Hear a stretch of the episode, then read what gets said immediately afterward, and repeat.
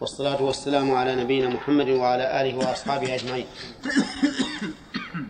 ما تقول يا فهد في رجل سارق والسارقة فاقطعوا أيديهما جزاء بما كسبا نكالا من الله والله غفور رحيم. والله غفور رحيم. القارئ يقرأ والله غفور رحيم. فقال الأعرابي ما هكذا الآية؟ اقرأ زين. قال إل والسارق والسارقة فاقطعوا أيديهما جزاء بما كسبا نكالا من الله والله غفور رحيم. قال ما يمكن. والأعرابي ما قرأ ما يعرف القرآن. قال له اقرأ فقرأ الثالثة فقال والسارق والسارقة فاقطعوا أيديهما جزاء بما كسبا نكالا من الله والله عزيز حكيم. قاله الآن لأنه عز وحكم فقطع. ولو غفر ورحم ما قطع. شوف سبحان الله. هذه إلا الذين تابوا من قبل أن تقدروا عليهم فاعلموا أن الله غفور رحيم. يقول لما غفر ورحم ورحم عفا وسقط عنهم الحد. طيب تاب قبل أن يقدر عليه فسقط عنه ما كان لله. وما كان للآدمي؟ لا يسقط. لماذا؟ الآدمي قال الله سبحانه وتعالى سمع عن حقه وغفر. حق الآدمي فلا يسقط حق الآدمي؟ يقال حق الآدمي له أما الله فقد عفى عن حقه وحق الآدمي له إن عفى عنه. سقط وإلا أخذ ما هو الذي لله ما قد... تعرضنا له تعرضا يسيرا. خلونا نشوف. طيب. هل يلزمه أن يماله أو لا؟ بسم الله الرحمن الرحيم. الحمد لله رب العالمين والصلاة والسلام على نبينا محمد وعلى آله وأصحابه أجمعين. يقول المؤلف رحمه الله تعالى ومن صلى على نفسه أو ماله أو حرمته أو حرمته أو ماله آدمي أو بهيمة فله الدفع. طيب دقيقة. فله الدفع. وذكر أنه إذا قتل الصائل على وجه لا يندفع إلا بالقتل فلا ضمان فيه. كذا؟ وإذا كانت بهيمة تضمن؟ أه؟ صال عليه بهيمة بعير. صال على هذا الإنسان يريد أن يقتله. أو صال عليه ذئب يريد أن يأكل غنمه. ولم يندفع الجمل ولم يندفع الذئب إلا بالقتل. ها؟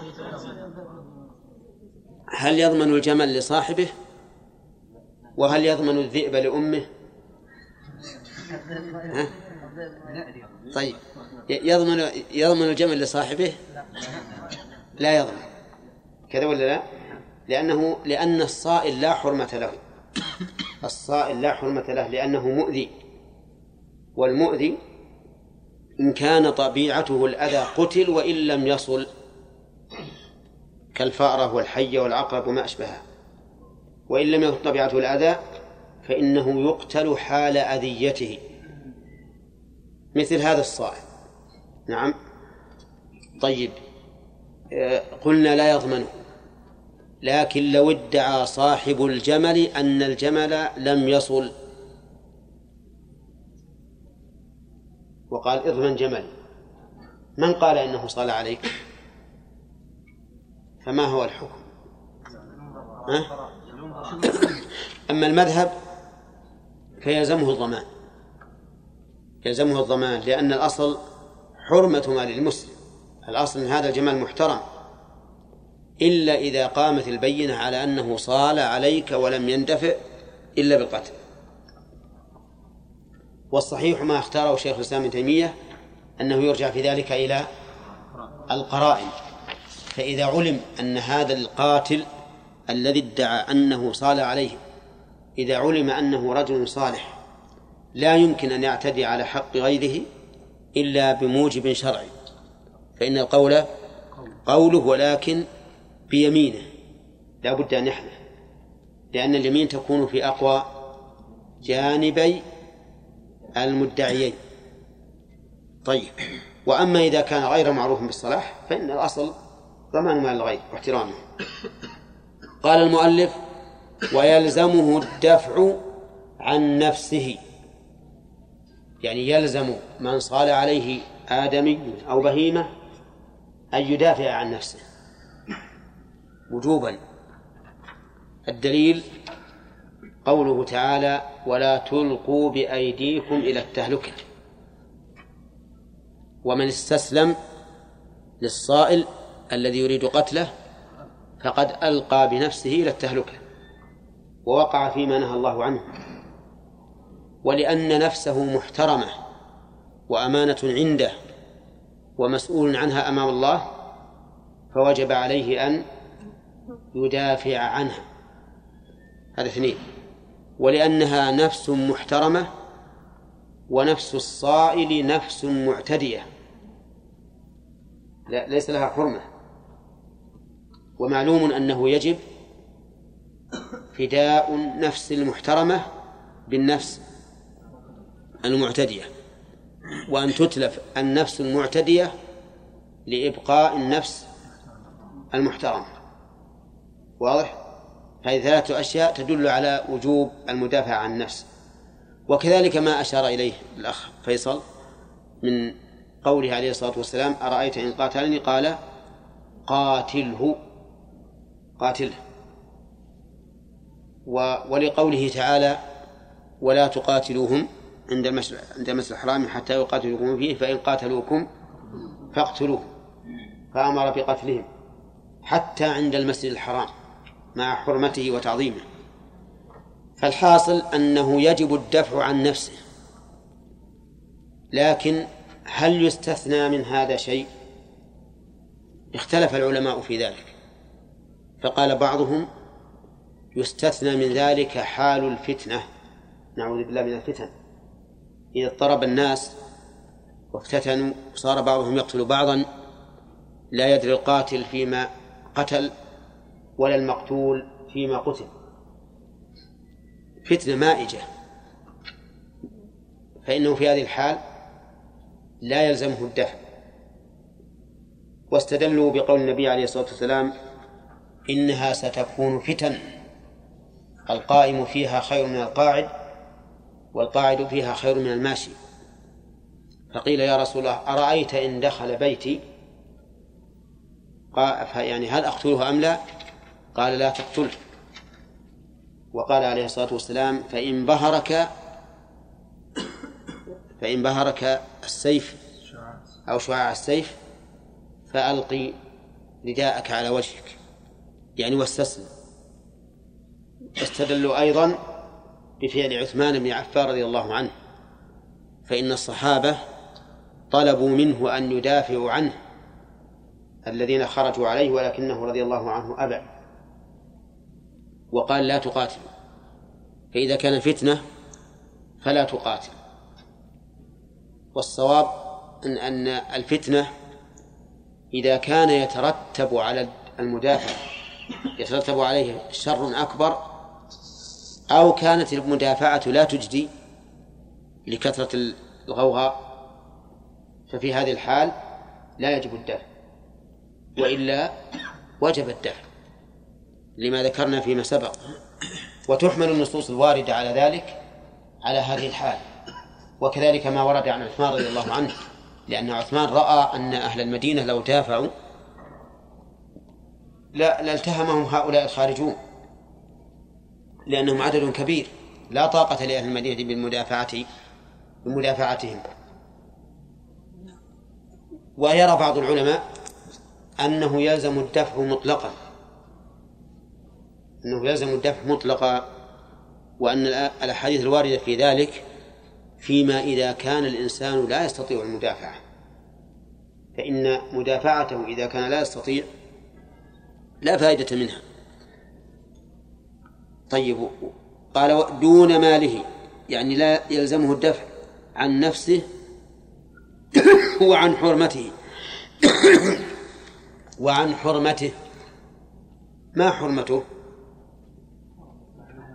يعني أهله كزوجته وابنته وأمه وأخته وما أشبه ذلك. فيلزمه الدفع عنه لأن حماية النفوس كما قلنا فيما سبق واجبة فيلزمه الدفاع عنه أما ماله فيقول المؤلف دون ماله دون ماله فلازمه الدفاع عنه لأن حرمة المال دون حرمة النفس ولكن هل يجوز؟ ها؟ يجوز يجوز الدفاع عن ماله وإن قل حتى لو كان جرة حبر أو ريشة قلم. فإنه يجوز. وقال بعض العلماء إنه إذا كان المال يسيرا فإنه لا يجوز أن أن يدافع عنه. مدافعة تصل إلى القتل. لأن حرمة النفس أعظم من حرمة المال. ولكن هذا القول ضعيف لأن الأحاديث عامة. دون ماله. حديث من قتل دون ماله فهو شهيد وهو عام. وقال إن طلب مني مالي قال لا تعطه وهو عام أيضا. فالصواب العموم. وليست العلة وليست المسألة من باب المقابلة والمكافأة. انتبه. لأنه لو كانت من باب المقابلة والمكافأة لقلنا إنه لا يجوز المدافعة إلا إذا كان المال الذي صيل عليه بقدر ها؟ الدية بقدر الدية وهذا لم يقل به أحد. بل المقاتلة من أجل انتهاك الحرمة حرمة المال. طيب فيه مسألة لو أن أحدا نظر إلى بيتك من خصاص الباب فهل هو كالصائل؟ ها؟ لا. ليس كالصائل بل هذا تفقأ عينه بدون مدافعة. يعني واحد واحد يوز عليك مع الباب. نعم. شوف هذا حاط عينه. وأنت مطرفن الباب. ما حاجة تدافع. تقول يا فلان خف الله لا تنظر لعورة المسلمين. إذا قلت هذا بيروح ينصرف. لكن تختله. نعم. وخذ معك حربة وافقع بها عينه. وافقع بها عينه. صح؟ إي نعم هكذا جاء الحديث. هكذا جاء الحديث عن النبي صلى الله عليه وسلم. وهذا يقول شيخ الإسلام رحمه الله ليس من باب دفع الصائل لكنه من باب عقوبة المعتدي. من باب عقوبة المعتدي. أما لو كان الباب مفتوحا واحد فاتح بابه وجاء الرجل وقف عند هذا الباب المفتوح وجعل يتفرج على البيت. فهل له أن يفقهه؟ لا.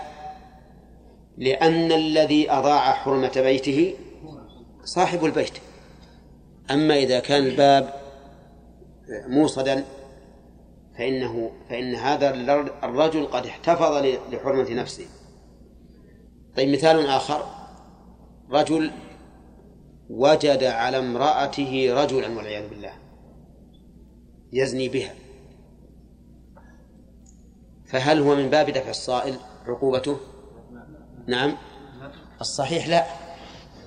يعني ليس من باب دفع الصائل وأنه إذا وجده يقول فلان اتق الله لا تنتهك حرمة الناس. هذا يمكن يقول جزاك الله خير ويقوم يروح نعم.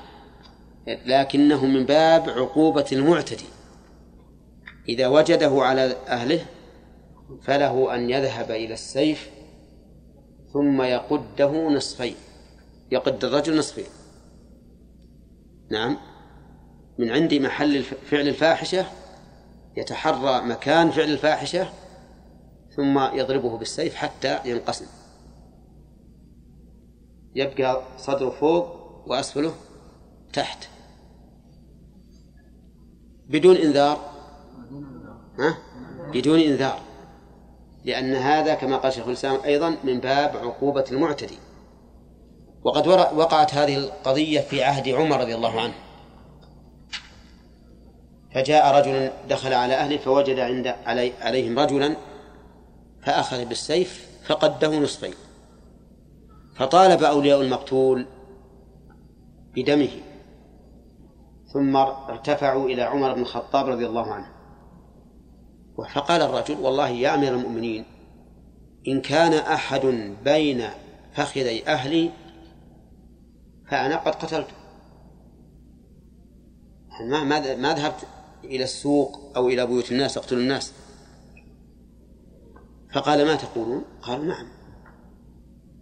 فأخذ السيف عمر وهزه وقال له إن عادوا فعد.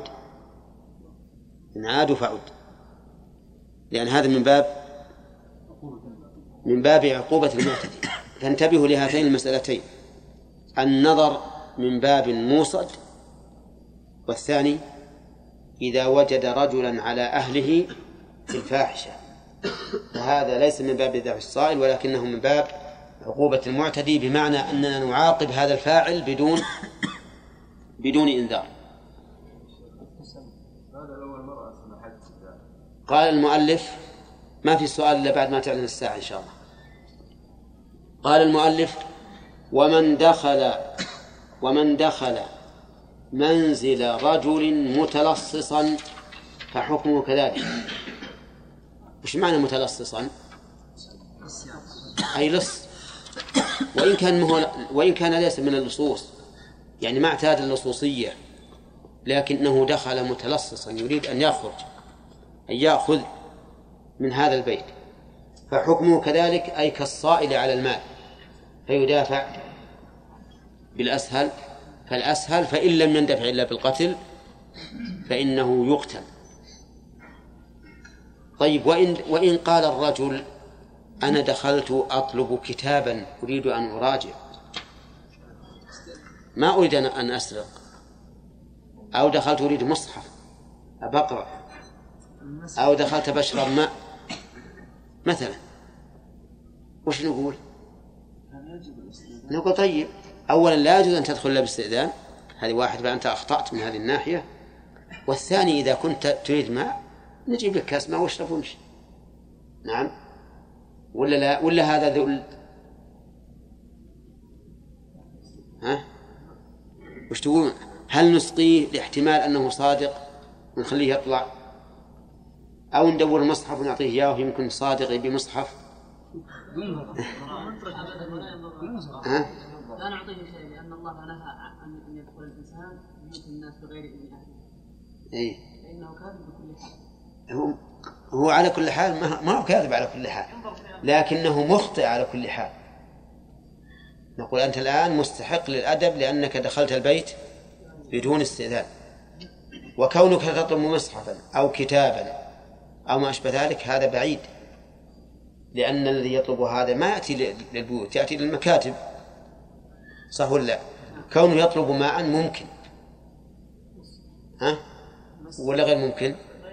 ممكن ليش؟ عابر سبيل أو مسافر اي يمكن هذا ممكن أما لو كان مقيم في البلد ما أم ممكن إذا لم يكن هناك برادات في السوق بعد؟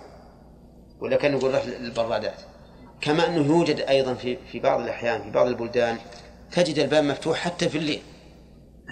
حتى في الليل الابواب مفتوحه فإذا جاء غريب ما يدري دخل هذا هذا المكان يظن انه مثل سبيل أو وقف للناس يدخلون.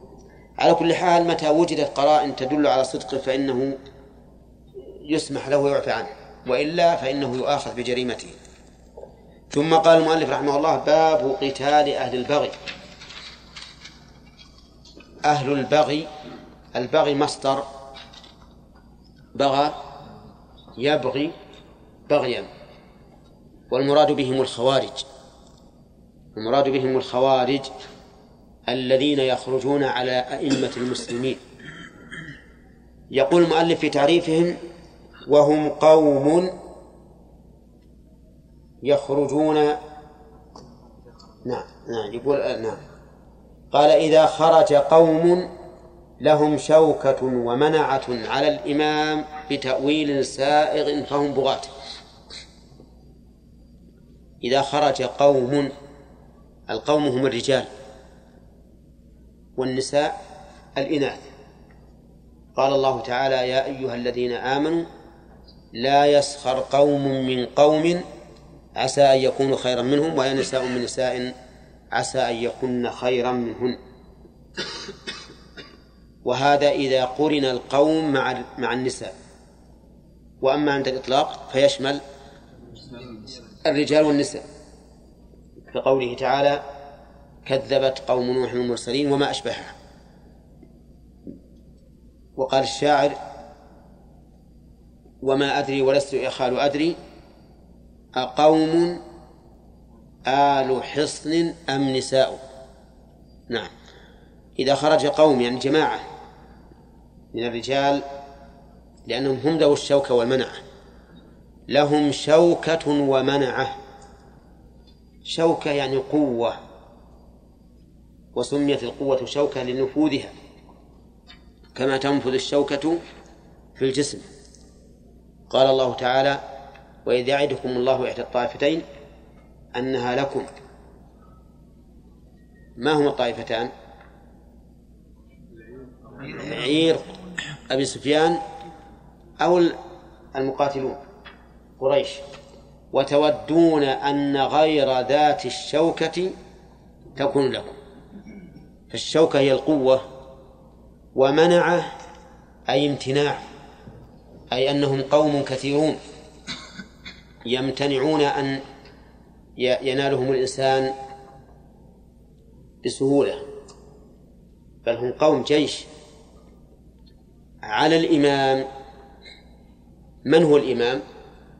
هو الذي نصبه المسلمون إماما لهم هذا الإمام يعني الخليفة أو أمير المؤمنين هذا الإمام وهنا تكلم الفقهاء رحمهم الله على شروط الإمامة وبماذا تحصل الإمامة. تحصل الإمامة بالنص بالنص عليه أي بأن ينص عليه الإمام الذي قبله. وتحصل بالع... وهذا هو العهد. يعني أن الإمام الذي قبله ينص على أنه الخليفة بعده. وهذا كما حصل من أبي بكر رضي الله عنه لعمر. والثاني اجتماع أهل الحل والعقد عليه. أهل الحل والعقد يعني وجهاء البلاد وشرفاء البلاد وأعيان البلاد يجتمعون على هذا الرجل المعين. ينصبونه إماما ومن ذلك الصورة المصغرة التي اختارها عمر بن الخطاب رضي الله عنه. فإن عمر لم يعهد إلى شخص معين ولم يجعل الأمر عائما بين المسلمين ولكنه جعل الأمر بين أشخاص ستة. بين أشخاص ستة. تخيرهم رضي الله عنه وعلل تخيره إياهم بأنهم توف توفي الرسول عليه الصلاة والسلام وهو عنهم راض. فجعل الأمر بينهم بين هؤلاء الستة. وهذا نوع من اختيار أهل الحل والعقد. ونوع من العهد بالخلافة إلى معين. لأنه لأن الخليفة الآن لا يخرج عن هذه الدائرة الضيقة. وهم ستة فقط. يعني لو أن هؤلاء الستة اختاروا رجلا غيرها غير عثمان مثلا فإنه لا يصح اختياره لأنه خلاف ما عهد به الخليفة السابق. ويحصل وتحصل الإمامة أيضا بالقهر. بالقهر بأن يخرج إمام على شخص فيقهر يغلب ويقهر الناس ويستولي ويأخذ السلطة فهذا تحصل به أيضا الإمامة. يعني بمعنى أنه يكون إماما للناس ومرجعا يرجعون إليه أما شروط الإمام فقد ذكروها ذكر أهل الفقه في كتب الفقهاء واختلفوا أيضا فيها لم يتفقوا على جميعها بل اختلفوا فيها. لكن إذا كان الإمام منتصبا بأحد العوامل الثلاثة السابقة النص والإجماع والقهر. فخرج عليه قوم قوم لهم شوكة ومنعة. الشرط الشرط الرابع بتأويل سائغ. بتأويل سائغ يعني خرجوا على الإمام بتأويل. ما خرجوا هكذا بس قالوا ما نبي حكمك وخر عن الحكم. قالوا خرجنا عليك لأنك فعلت كذا وفعلت كذا ونرى أن هذا يسوغ لنا الخروج عليك. فخرجوا على الإمام يقول المؤلف جواب الشرط فهم بغاة. أي جائرون ظلمة. جائرون ظلمة. وهؤلاء هم المعروفون بالخوارج الذين يخرجون على الإمام بتأويل سائغ. طيب كم الشروط؟ إذا خرج قوم لهم شوكة ومنعة ثالثا على الإمام والرابع بتأويل سائغ. طيب فإن خرج رجل واحد. خرج رجل واحد. حمل سيفه وراح يركض المكان الملك الإمام وقال يلا تنازل عن الخلافة ولا قتلتك. وش يصير؟ باغي ولا لا؟ إذا اختل شرط واحد قال العلماء فهم قطاع طريق إذا اختل شرط واحد من هذه الشروط فهم قطاع طريق فهم قطاع طريق طيب إذن هذا الرجل نعتبره إيش؟ قاطع طريق ونعامله معاملة قاطع الطريق. طيب خرج قوم ليس لهم شوكة ولا منع. خرج قوم على الإمام ومعهم عصي عصي من جريد قديم يريدون أن يزيلوا الإمام عن إمامته. قلنا لهم وين يا جماعة؟ جماعة كثيرة. ألفين ثلاثة آلاف عشرة آلاف كلهم ما معهم إلا جريد قديم.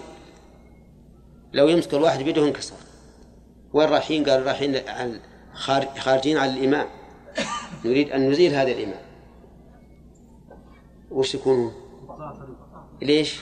ليس لهم شوكة ولا منع لأنه ليس لهم شوكة ولا منع وهل الشوكة والمنعة نسبة إضافية بمعنى أن هذه الشوكة والمنعة قد تكون شوكة ومنعة في زمان ولا تكون شوكة ومنعة في زمن آخر. فالسيوف والخناجر والرماح في زمان من الأزمان تعتبر شوكة. ولا لا؟ لكن في زماننا هذا ها؟ لا تعتبر شوكة فيما يظهر اللهم إلا في بعض الحالات. أما في الأعم الأغلب فليست بشوكة كل هؤلاء لا يبلغون عشرين ألف وأكثر تكفيهم ها؟ طائرة واحدة تبيدهم عن عن آخرهم. فهنا ممكن أن نقول إن الشوكة والمنعة تختلف باختلاف الأزمان والأحوال. طيب. على الإمام لو خرجوا على أمير في قرية ما هو على الإمام قالوا الإمام ونعم وهو إمامنا وفي أعناقنا بيعة له لكن هذا الأمير ما نبيه وخرجوا على الأمير أمير قرية مثلا هل هم بغاة ولا لا؟ ها؟ هؤلاء ليسوا بغاة لأنهم ما نزعوا يدا عن طاعة لكنهم لا يريدون هذا الرجل المعين والمؤلف يقول على الإمام. طيب بتأويل سائغ. إذا خرجوا بغير تأويل أو بتأويل غير سائغ. بغير تأويل قلنا وش ليش تخرجون؟ قالوا أن يكون له الملك علينا ونحن أحق بالملك منه. وش اللي يخليه ملك علينا وهو خضيري وحنا قبيلية؟ ما يمكن. هذا تأويل ولا لا؟ ها؟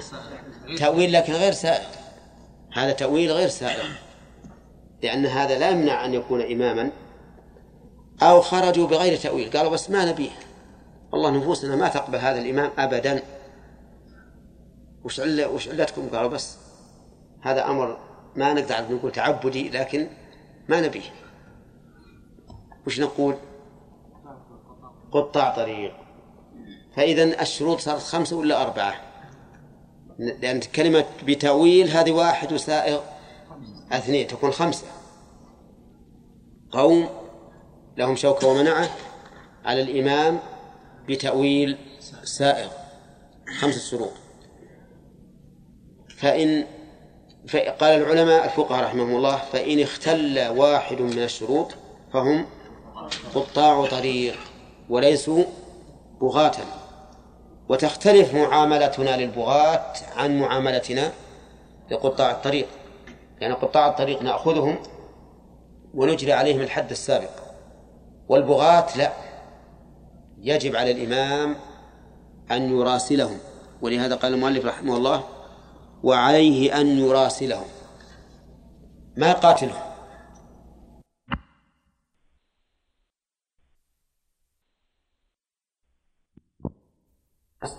قتل يريق دماء كثيرة.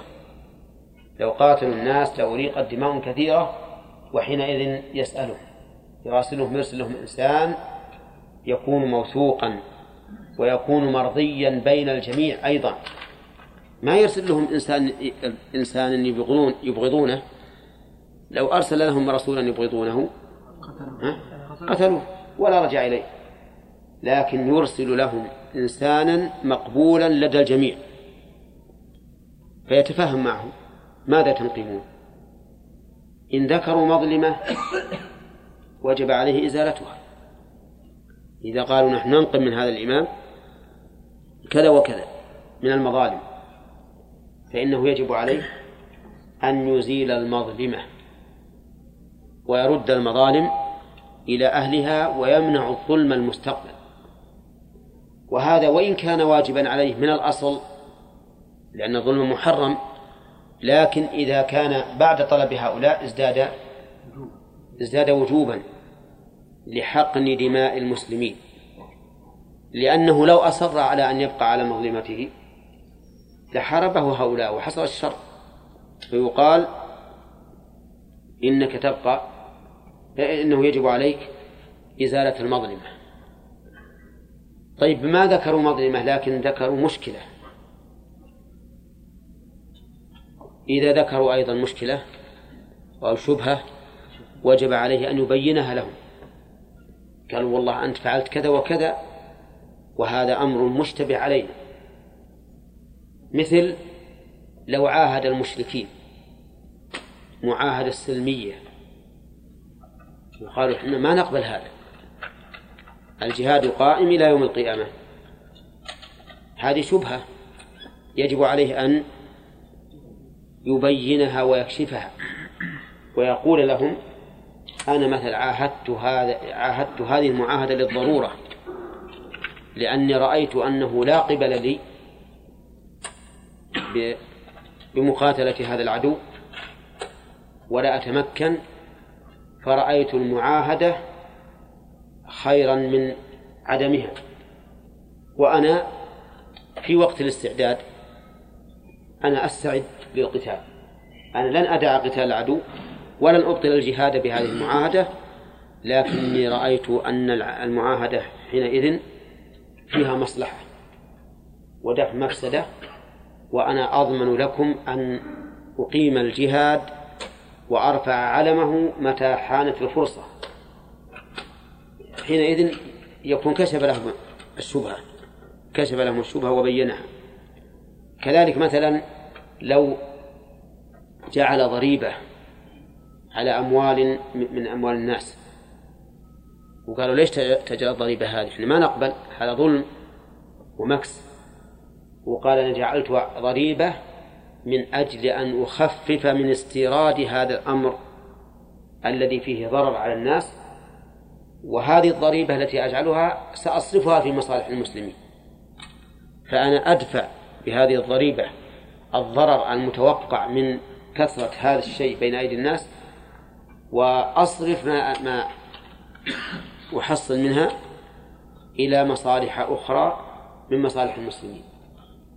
المهم أنهم إذا ذكروا شبهة وجب عليه أن يكشفها. طيب لو قال لو قال مثلا ارجعوا وراء أنا الإمام ولا لأحد علي علي اعتراض. لا أسأل عما أفعل وأنتم تسألون. وش نقول؟ ها؟ نقول هذا لا يجوز. حرام عليه أن نقول هذا القول. رحمه الله تعالى وعليه أن يرسلهم فيسألهم ما ينقمون منه. ما هنا استفهامية؟ ما استفهامية معلقة ليسألون عن العمل. فالجملة في محل نصب مفعول ثاني ليس ليسألهم. يسألهم ماذا ينقمون؟ ينقمون بمعنى ينكرون كما قال الله تعالى وما نقموا منهم إلا أن يؤمنوا بالله. أي ما أنكروا منهم إلا ذلك. فمعنى ينقمون ما الذي ينكرون عليه؟ فإن ذكروا مظلمة أزالها لأن خروجهم من أجل إزالة المظالم خروج بتأويل سائغ. صحيح أن الإنسان لا يجوز له أن يظلم الناس وإن كان له السلطة العليا. عليهم فلا يحل له أن يظلمهم. وظاهر كلام المؤلف إن ذكروا مظلمة أنه لا فرق بين أن تكون المظلمة عامة أو خاصة. مثال العامة أن يضع ضرائب على الناس في تجارتهم أو أن يلزمهم بهدم بيوتهم. وبنائها على الشكل الذي يريد أو يلزمهم بإخراج شيء من بيوتهم إلى الشوارع بغير عوض. وما أشبه ذلك من المظالم التي تكون عامة نظاما عاما لجميع الرعية أو مظلمة خاصة بأن يظلم شخصا معينا في ماله أو في نفسه. فإذا ذكروا مظلمة أزالها وجوبا ولا لا؟ أزالها وجوبا. لماذا؟ لأن إزالة الظلم واجب سواء طولب به من جهة الشعب أم لم يطالب به. فإن الله عز وجل يقول يا عبادي إني حرمت الظلم على نفسي وجعلته بينكم محرما فلا تظالموا. هكذا جاء الحديث القدسي الذي رواه النبي صلى الله عليه وسلم عن ربه. وإن ادعوا شبهة كشفها. إن ادعوا شبهة كشفها. شبهة يعني في في حكم أو في حال. في حكم بأن قالوا إنك منعت من كذا وقلت إنه حرام ونحن لم يتبين لنا تحريمه. أو قالوا إنك قلت هذا واجب وألزمت الناس به ونحن لم يتبين لنا وجه إيجابه. فعليه أن يزيل هذه الشبهة ويبين لهم. أو أمرت بقتال هذه الفئة ونحن لم يتبين لنا جواز قتالها. فعليه أن يبين لهم هذه الشبهة. فإن قال قائل كيف يلزمه أن يبين الشبهة؟ وهو الولي ولي الأمر وليس لأحد أن يحاسبه. فالجواب أنه يلزمه أن يبين ذلك درءا للمفسدة وليكون له عذر إذا قاتلهم. حتى لا يقول قائل إنه قتل قاتلهم قتالا أعمى لأنه إذا أبين الحق وأزال الشبهة ثم أصروا على القتال فله العذر في مقاتلتهم. طيب إذا إذا إذا أزال المظلمة وكشف الشبهة واستقام على ما ينبغي أن يكون عليه ولكنهم أصروا إلا أن يقاتلوا. قال المؤلف فإن فاءوا وإلا قاتلهم. إن فاءوا وإلا قاتلهم وجوبا. وهو استحبابا ولا إباحة إذا فاءوا ورجعوا وأغمدوا سيوفهم وذهبوا إلى بيوتهم فذلك هو المطلوب وهو الذي به الأمن والاستقرار. وإن أبوا قاتلهم وجوبا ولا جوازا؟ قاتلهم وجوبا لدفع شرهم. ولهذا قال المؤلف قاتلهم طيب نقول قاتلهم ولا نقول قتلهم؟ ها؟ ما الفرق؟ الفرق أن القتال إذا كف المقاتل وجب الكف عنه ولا يجوز اتباعه ولا الإثخان على جريحه ولا سبي ماله لأنه يجوز قتاله فقط. ولا يجوز قتله فإذا أدبروا وانهزموا فإننا لا لا نجهز على لا, لا نتبعهم ولا نجهز على جريحهم ولا نسبيهم بل نكف عنهم. فهناك فرق بين القتال والقتل. فليس كل من جاز قتاله جاز قتله ولهذا يقاتل الناس إذا تركوا الأذان مثلا. ولكن هل يجوز قتلهم؟ ها؟ لا. يعني لو أن ناسا تركوا الأذان قرية فيها 150 نفر 150 نفرا تركوا الأذان والإمام باستطاعته أن يبيدهم بربع ساعة جميعا. فإنه لا يجوز أن يقتلهم. لكن يقاتلهم بمعنى يلزمهم وإن أدى إلى المقاتلة بالأذان.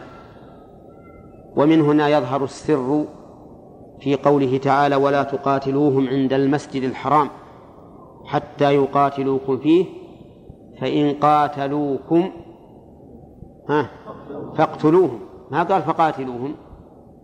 قال إن قاتلوكم فاقتلوهم. وهذا يحتمل معنيين أحدهما إن قاتلوكم فسيجعل الله لكم التمكين حتى تقتلوهم.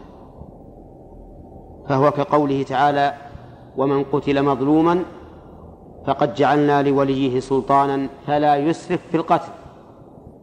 فإن هذا فيه إشارة إلى أن من قتل مظلوما فسوف يظهر الله قاتله ويقتل. ولهذا قال فلا يسرف في القتل. يكون المعنى إن قاتلوكم فستكون الدولة لكم عليهم فاقتلوهم. أو أن المعنى احتمال آخر إن قاتلوه إن قاتلوكم فاقتلوهم وإن وضعوا السلاح لأنهم بانتهاكهم حرمة المسجد الحرام كانوا مستحقين للقتل. فالمهم أن هناك فرقا بين القتال وبين القتل. فهؤلاء البغاة إذا لم يرجعوا فإنهم فإن الإمام يجب عليه أن يقاتلهم طيب وهل يجب على رعيته أن يعينوه على قتالهم؟ ها؟ نعم يجب عليهم فإن قالت الرعية نحن لا نقاتل قوما مسلمين. لا نقاتل قوم مسلمين. كيف نقاتلهم؟ كيف نحمل السلاح عليهم؟ قلنا لأنهم بغاة فقتالهم من باب الإصلاح. وإذا لم يمكن الإصلاح إلا بقتالهم وجب. فيجب على الرعية طاعة الإمام. إذا أمر بالخروج معه لقتال هؤلاء. بقي أن يقال آه، هنا حال ثالثة. لأن المؤلف ذكر حالين.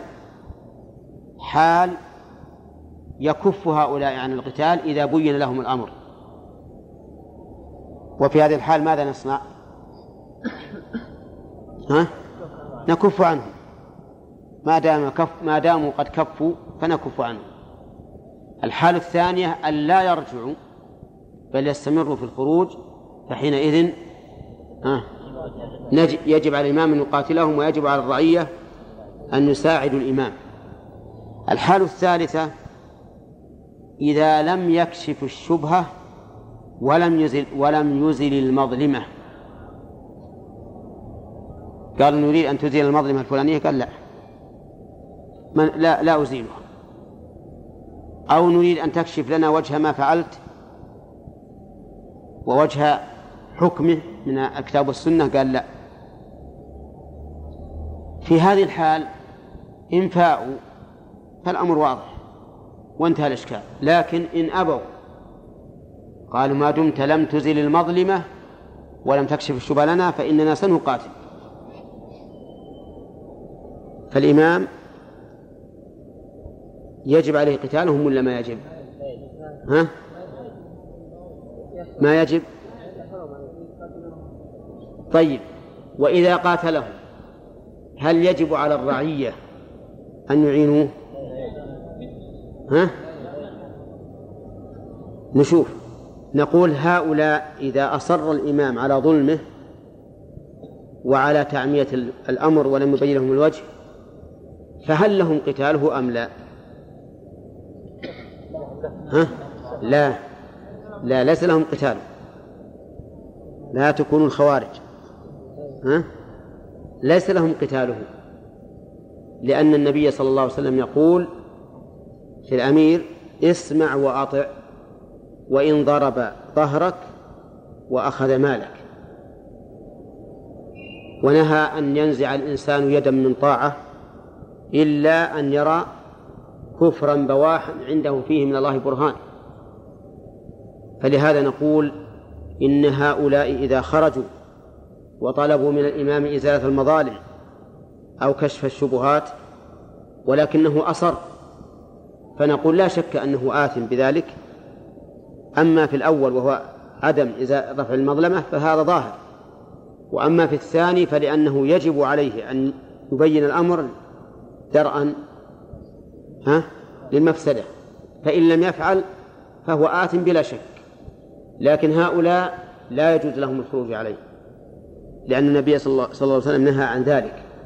ومن أجل أنه لا يجوز الخروج لهم عليه فهل نقول إنه يجوز؟ الآن أبي أعيد عليكم السؤال. هل يجوز أن نقول إنه يجوز له قتالهم درءا للمفسدة؟ ولا لا؟ لأن السبب الذي قاموا من أجله نعم لا يحل لهم القتال من أجله. لا يحل لهم القتال. إذن فهم معتدون. فهم معتدون ودفع اعتداء المعتدي واجب. فأنا أتوقف في هذا. هل يجب عليه أن يقاتلهم؟ ويجب عليه ويجب على رعيته أن يعينوه أم لا؟ فتحتاج المسألة إلى مراجعة. أما كلام المؤلف فظاهر أنه إنما يقاتلهم إذا إذا بين لهم الشبهة وأزال المظلمة. طيب هؤلاء الذين قوتلوا إذا انهزموا يجب يجوز لنا أن نتبعهم؟ ها؟ لا. إذا وجد منهم جريح يجوز أن نجهز عليه ونقتله؟ لا. إذا وجد لهم مال أو ذرية فإنه لا يجوز أن نغنم أموالهم ولا أن نسبي ذراريهم. طيب. في باب التوارث هل يقع التوارث بين هؤلاء وأقاربهم الذين مع الإمام؟ ها؟ كلهم مسلمون. طيب. القاتل لا يرث. إذا قتل قريبه مهم من موانع الإرث القتل. ليس ليس ليس لهذا الغرض. يقول العلماء إن القتال الواقع بين هؤلاء غير مقصود في الحقيقة ولذلك لا يمنع التوارث. وقد مر علينا في باب الفرائض في كتاب الفرائض أنه إذا قتل العادل الباغي أو الباغي العادل فإنهم يتوارثون يتوارثون. و وذهب بعض العلماء إلى أنه إن كان القاتل العادل ورث من الباغي وإن كان القاتل الباغي لم يرث من العادل لأن قتال العادل بحق وقتال الباغي بغير حق. وسبق لنا أن هذا قول قوي جدا. وأما المذهب فكل منهما آية الآخر لأن هذا قتال بتأويل. ثم قال المؤلف وإن اقتتلت طائفتان لعصبية أو رئاسة فهما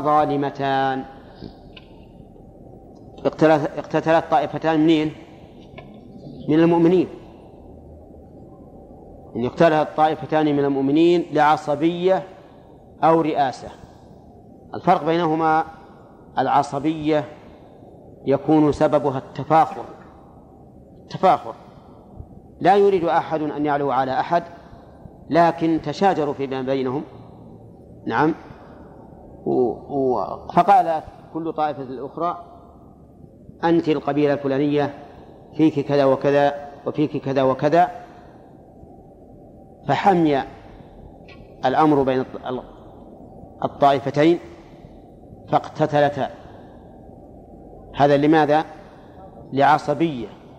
يكون بين القبائل شتائم سب كما كما في الجاهلية وفيما بعدها أيضا. عند السب والشتم وكل واحد يقدح في الآخر يحمي يحمي يحمي الأمر بينهم ثم يتقاتلون. عرفتم؟ نقول هذا القتال لأي شيء؟ لعصبية. أو رئاسة كل طائفة تريد أن أن تكون لها الرئاسة على الأخرى. يعني يريدون أن يكتسحوهم ويضموهم إليهم. هذا نقول لرئاسة فهما ظالمتان كل واحدة منهما ظالمة ولكن هل تكفران؟ ها؟ لا لأن قتال المؤمن ليس كفرا مخرجا عن الملة وقتله أيضا ليس كفرا مخرجا عن الملة فماذا نعمل؟ يقول الله عز وجل وإن طائفتان من المؤمنين اقتتلوا فأصلحوا بينهم. فإن بغت إحداهما على الأخرى فقاتلوا التي تبغي حتى تفيء إلى أمر الله. فإن فأت فأصلحوا بينهما بالعدل وأقسطوا إن الله يحب المقسطين. إنما المؤمنون إخوة فأصلحوا بين أخويكم. فهما ظالمتان. يعني ليس كل واحدة ليست من ذوي العدل بل كل واحدة ظالمة وتضمن كل واحدة ما أتلفت على الأخرى بخلاف ما بخلاف ما سبق. قتال بين البغاة والإمام ما في ضمان لكن هذا فيه ضمان. تضمن كل واحدة ما أتلفت على الأخرى. فإن تساوت المتلفات ها؟ تساقطوا. وإن زاد أحدهما فإنه يضمن له ما زاد.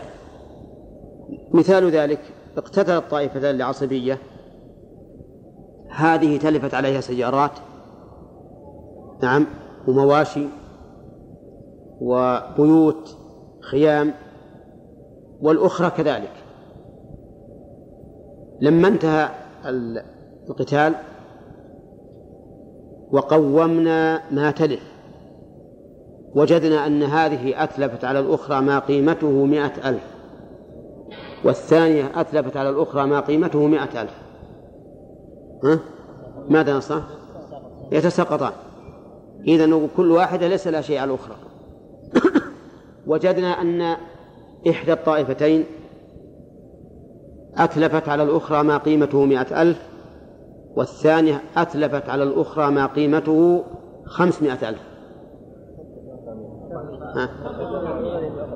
كيف؟ خمسمائة ألف. وذيك مئة ألف. تضمن أربعمائة ألف. أين تضمن؟ آه الزائدة. ولا لا؟ الناقصة. الناقصة تضمن. يعني التي أتلفت مئة ألف تضمن أربعمائة ألف للتي تلف عليها خمسمائة ألف. واضح؟ طيب هنا إشكال. معلوم أن هذه الطائفة لم لم يتلف كل واحد منها هذا الشيء المعين. يعني يكون هذا قد يتلف هذا الرجل عشرين سيارة وهو رجل واحد. ولا لا؟ وقد يكون بعضهم ما أتلف شيئا أبدا. وقد يكون بعضهم أتلف دون ذلك. فكيف يكون الضمان على الجميع؟ نقول لأن من لم يتلف فهو معين وموافق لمن أتلف. فأوجب العلماء الضمان هنا على مجموع الطائفتين وإن لم يعلم عين المتلف لأن بعضهم أولياء بعض. وأنتم ترون خطاب الله عز وجل يخاطب الله بني إسرائيل في عهد الرسول عليه الصلاة والسلام فيما فعلت بنو إسرائيل في عهد من؟ في عهد موسى لأن القبيلة أو الطائفة من الناس إذا فعلت أحد منهم فعلا ووافقه الآخرون على ذلك ولم ينكروه صح أن ينسب إلى الجميع في هذه الحال يكون الضمان على كل الطائفة وإن كان بعض أفرادها قد يكون أتلف شيئا كثيرا وبعض الأفراد لم يتلف شيئا. وكيف توزع؟ كيف توزع هذه القيمة؟ توزع بعدد الأفراد. توزع بعدد الأفراد. فمثلا إذا قدرنا أن الخسران مئة ألف وأن عدد القبيلة مئة ألف وأن عدد القبيلة ألف ها؟ كم على كل واحد؟ ها؟ عشرة ريالات قدرنا أن أن الخسائر مئة ألف. وأن القبيلة ألف. على كل واحد مئة ريال. على كل واحد مئة ريال بالسوية. فإذا جاء واحد قال أنا والله أنا ما قتلت ولا أتلفت شيء. قلنا لكنك شريك ومعين لمن أتلف. وكل واحد منكم يقوي الآخر ويسنده. فلهذا وجب الضمان على الجميع. نعم.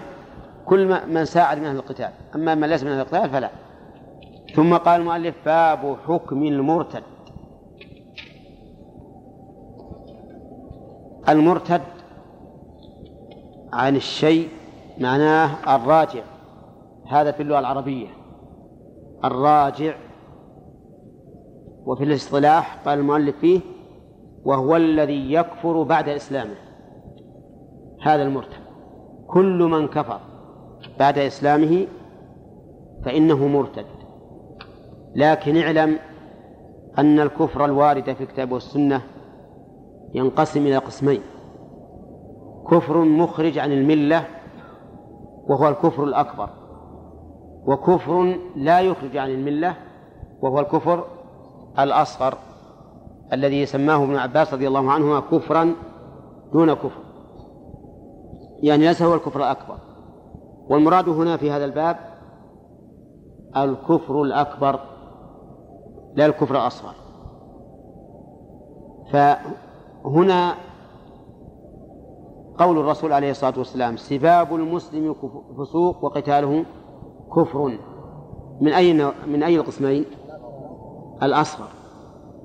لقوله تعالى إنما المؤمنون إخوة فأصلحوا بين أخويكم مع أنهم مع أنهما طائفتان مقتتلتان. طيب. وفي قوله صلى الله عليه وسلم بين الرجل وبين الشرك والكفر ترك الصلاة. المراد الكفر الأكبر كما تدل عليه نصوص أخرى. فكل من كفر بعد إسلامه فإنه مرتد. طيب لو أسلم من أجل الراتب ولما نقص الراتب كفر. ها؟ مرتد ولا غير مرتد؟ ها؟ في ناس يقول لي إنهم يقولون لي من الأجانب إنهم يسلمون من أجل أن يبقوا في البلاد فإذا رجعوا إلى أهليهم ارتدوا. نقول يعتبر ارتدادهم ردة عن الإسلام لأننا نؤاخذهم بماذا؟ بظاهر حالهم والسرائر لا يعلمها إلا الله عز وجل. ليس لنا فيها دخل. ما دمنا ما دام هذا الرجل أسلم وشهد أن لا إله إلا الله وأن محمد رسول الله فإنه يكون مسلما. وإذا عاد إلى ملته الأولى اعتبرناه مرتدا. أي نعم. الآن أعلن الساعة إذا كان نعم. نعم. والله بعض العلماء كفرهم. وقال أنهم كفار لأن الرسول عليه الصلاة والسلام قال فيهم إن إيمانهم لا يتجاوز حناجرهم وأنهم يمرقون من الإسلام كما يمرق السهم من الرمية. وبعضهم قال لا يكفرون لأنهم متأولون. متأولون وقد سئل عنهم علي بن أبي طالب فقال من الكفر فروا. وأنا إلى الآن ما تحررت عندي المسألة وكان من نيتي أن أراجعها بعد العصر اليوم لكنه شغلت عنها. نعم. ها؟ إي نعم. ولهذا أهل البغي يسميهم العلماء الخوارج. ها؟ إي نعم. نعم ما الدليل على ان القائدين الذين قاتلوا ما الدليل إيش؟ أي نعم. قوله تعالى فأصلحوا بينهما بالعدل. فإن قوله بالعدل معناه أنه يجب علينا أن ننظر ما يقتضيه الحكم الشرعي في هذا. ولهذا كررت فأصلحوا بينهما. فإن بغت إحداهما على الأخرى فقاتلوا التي حتى تبين الله فإن فاءت فأصلحوا بينهما بالعدل. نعم